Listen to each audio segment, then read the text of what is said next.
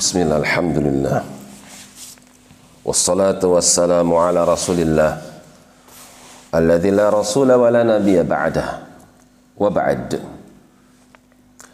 masih di dalam surah Ar-Rum sampai pada firman-Nya thumma kana akibata alladhina asa'u su'a setelah Allah Subhanahu wa taala mengajak manusia untuk berfikir untuk memperhatikan orang-orang sebelum mereka lebih kaya, lebih kuat, hasil bumi yang mereka peroleh lebih banyak, bangunan-bangunan tinggi pun mereka mampu untuk membuatnya.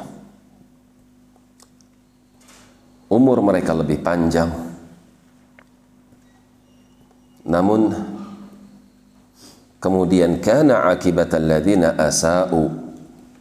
Perhatikanlah bagaimana akibat yang buruk bagi mereka para para pendusta rasul para pendusta sang utusan.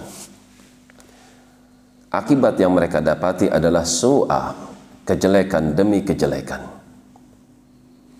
Kekuatan mereka enggak bermanfaat sedikit pun hasil bumi, kekayaan, umur yang panjang, semuanya sirna. Tidak ada satupun yang sanggup menahan murka Allah kepada mereka. Lantas apa? Sebab mereka mendapatkan hukuman an kadzabu bi ayatillah mereka mendustakan ayat-ayat Allah.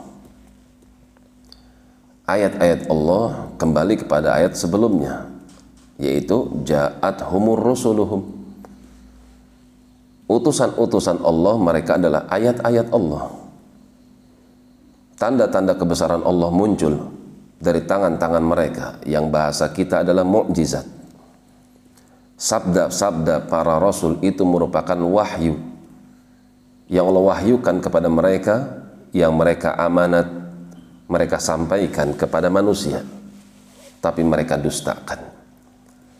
Mendustakan ayat Allah masuk ke dalam yang mendustakan para rasul.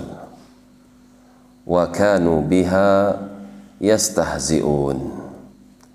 Dan mereka terhadap ayat-ayat kami yastahzi'un suka menjadikan ayat tersebut sebagai bahan olok-olok.